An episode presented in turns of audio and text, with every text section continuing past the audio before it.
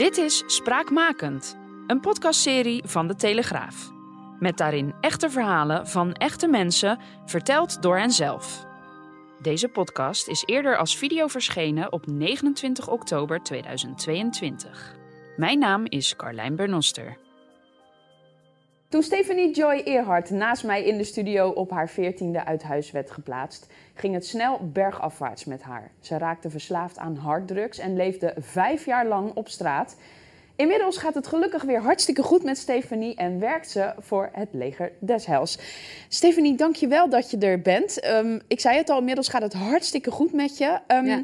Kan je vertellen waar uh, het eigenlijk in het begin, dat is in je jeugd, waar het toen mis is gegaan? Ja, ik heb op vrij uh, jonge leeftijd uh, slechthorendheid ontwikkeld. Waardoor ik twee gehoorapparaten kreeg en naar speciaal onderwijs werd uh, gezet. Was dat al één handicap. Daarna kreeg ik nog een ernstig auto-ongeluk. Waarbij mijn voet ernstig verbrijzeld raakte. Ik heel veel hersteloperaties nodig had.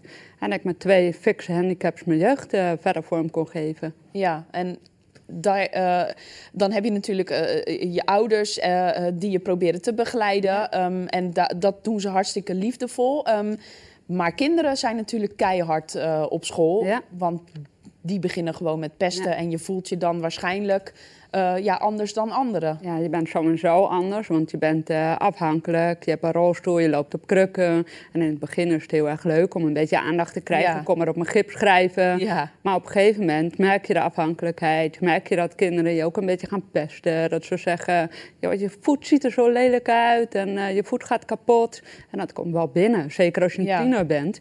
Je onder het douche staat naar de gymles. En dat ze zeggen van, joh, het ziet er echt lelijk uit. Ja. Ja. En, en dan gebeurt er eigenlijk mentaal iets met je, denk ik, hè? Ja, je, je kan het niet zo goed plaatsen. Je denkt echt van, uh, ja, ik zie het ook wel. Je gaat ook je lichaam vergelijken met leeftijdsgenoten. Dus ja. je denkt, goh, ik ben hier uh, beschadigd, daar beschadigd. En dat is best wel lastig. Ja, en dan ontwikkel je op een gegeven moment ook wel, zeg ik dat goed, psychisch... gedragsproblemen, ja, heel gedragsproblemen. erg. Ja. Um, en het komt zover dat je op je veertiende dan uit huis moet worden geplaatst. Ja. Kan je vertellen waar je dan terechtkomt? Ja, je hebt als je, zeg maar... Uh, bij het RIAG loop, want ik kreeg hulpverlening van het RIAG. Uh, dan gaan ze in gesprek met het gezin van, goh, uh, wat is voor nu een oplossing of ja. een mogelijkheid? En dan kun je kortdurend uit huis geplaatst worden. In een gezinsvervangende opvang kwam ik terecht. Groot herenhuis in Haarlem met maximaal zes jongeren bij twee vrouwen die de hulpverlening deden. via het orthopedagogisch centrum Kennemerland, dat heet nu Kenter Jeugdhulp. En uh, dan ga je van daaruit een gezinssituatie nabootsen en krijg je ja. extra therapie.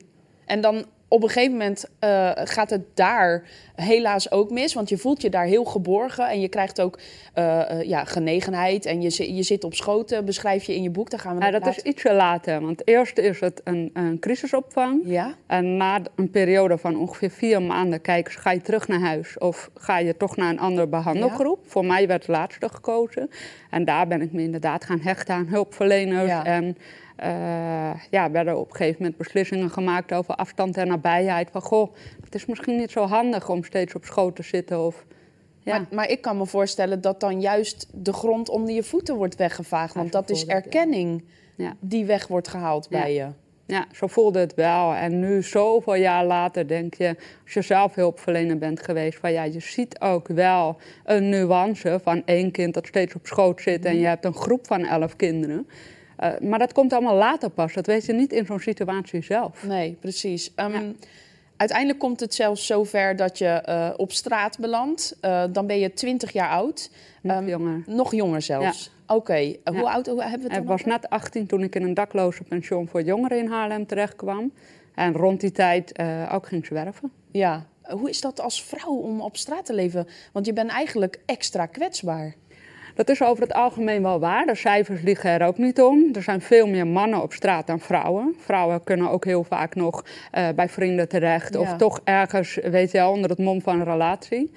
Uh, maar ik had een mazzel, ik was heel jong. Ik was in de ogen van andere daklozen dat kind wat hun afgenomen was. Oh. Zij waren zelf hun gezin kwijtgeraakt. En zij hadden allemaal zoiets van die kleine rooien.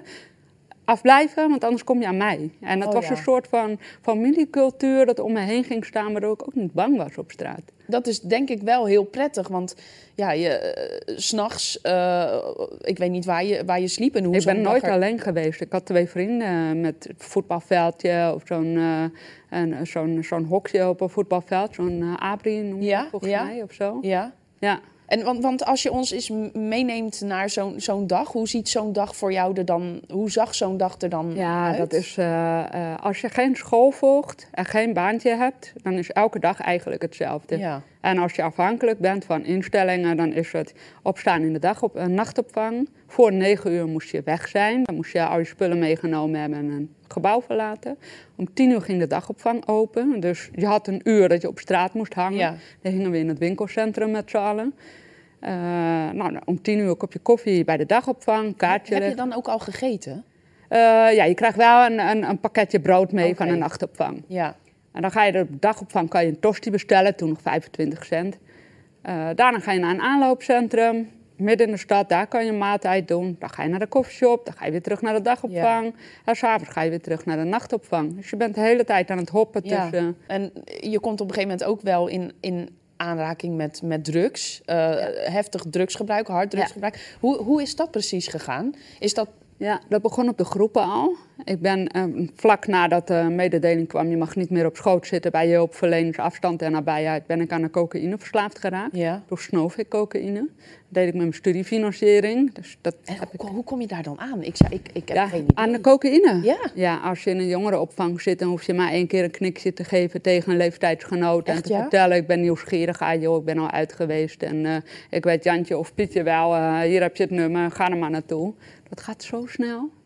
Dat is wel heftig. Ja, dat is Ja. eh, absurd. Dat heb ik later tijdens lezingen ook wel meegemaakt op het platteland. Dat je denkt, er gebeurt nooit wat. En daar is de problematiek soms nog veel groter. En, en dan, dan begin je dus eh, met, het, met het roken eh, van cocaïne. Ja, dat was het eerste trouw. Ja, en- Daarna en- snuiven. Ja. Da- en daarna snuiven. Ja. Ehm, op een gegeven moment denk ik dat je in, in, op een dieptepunt ook zit. Ehm, Ja. In 2010 komt er gelukkig iets moois voor je voorbij, want je krijgt een, eh, een woning eh, Ja. toegewezen. Ja. Is dat ook het begin van het herstel geweest voor je? Nou, dat begin kwam ietsje eerder, toen ik tot geloof kwam en naar de kerk toe ging. Ja? eh, en de boodschap kreeg, er is wel altijd herstel mogelijk. Want de hulpverlening is veel meer in die tijd van leren maar mee leven. En dit was een boodschap, er is herstel mogelijk, maar je moet wel aan de slag gaan met jezelf. Ja. Met je trauma Ja. en je verdriet en je slachtofferschap, want dat is het toch ook wel een klein onderdeel. Ehm, en dat herstel heeft zich voortgezet. En dat kreeg echt wel een hoogtepunt toen ik op zendingsreis ging naar Roemenië. En tussen de Roma stond, had je winter, terwijl zij op blote voetjes in de kou stonden. Dan dacht ik wel, ik ben mijn leven aan het verklooien in Nederland. Wat, wat ben ik nou aan het doen? Ja. Ja. Ja. En toen werd de aanzet gezet van, joh, vraag urgentie aan. Ga weer terug naar school, doe de 21-plus opleiding. Want ik had niks, ik had geen VMBO, niks. Nee. En inmiddels doe ik een tweede HBO-bachelor. Ja, dat is Dus dan denk ik wel, eh, ja, dat is ontzettend knap natuurlijk, maar je moet ook nog wel afkicken van drugs. Ja. Ja, dat was voordat ik de woning kreeg. Eh, eh, was echt een proces waarin ik heel veel steun van hulpverleners van het leger des Heils kreeg. Eh, ben ik via Parnassia, verslavingszorg in Den Haag, ben ik eh, opgenomen geweest. Daar heb ik een detox gehad en daar ben ik echt gestopt met het laatste middel dat ik gebruikte, methadon. Ja. Ja, Heb je ook alles weggegooid, geloof ik, hè? ja, ja, ja. ja, Ja. dat staat nog in mijn boek. Ja, Ja. ja. Ja. Op het moment alles teruggebracht naar de apotheek. Ja. Wat wel ontzettend mooi is, is dat wat jij hebt meegemaakt in je leven, en dat is nogal wat, ehm, hebt omgezet in iets heel positiefs. Want je bent nu aan de slag voor het leger des Heils. Ja. En je kunt mensen op de juiste manier eh, helpen. Hoe, Ja. hoe voelt dat voor je? Ja, het voelt, eh, het voelt ontzettend mooi. Want eh, binnen het geloof zegt men zegt wel eens waarom heeft God het dan allemaal laten gebeuren. Maar de boodschap is vooral, God kan het ten goede keren. Je hebt nu eh, genade ontvangen, zo noemen we het dan. Ja, ja. Maar zorg dan ook dat je wat doet met het goede dat je nu hebt gekregen.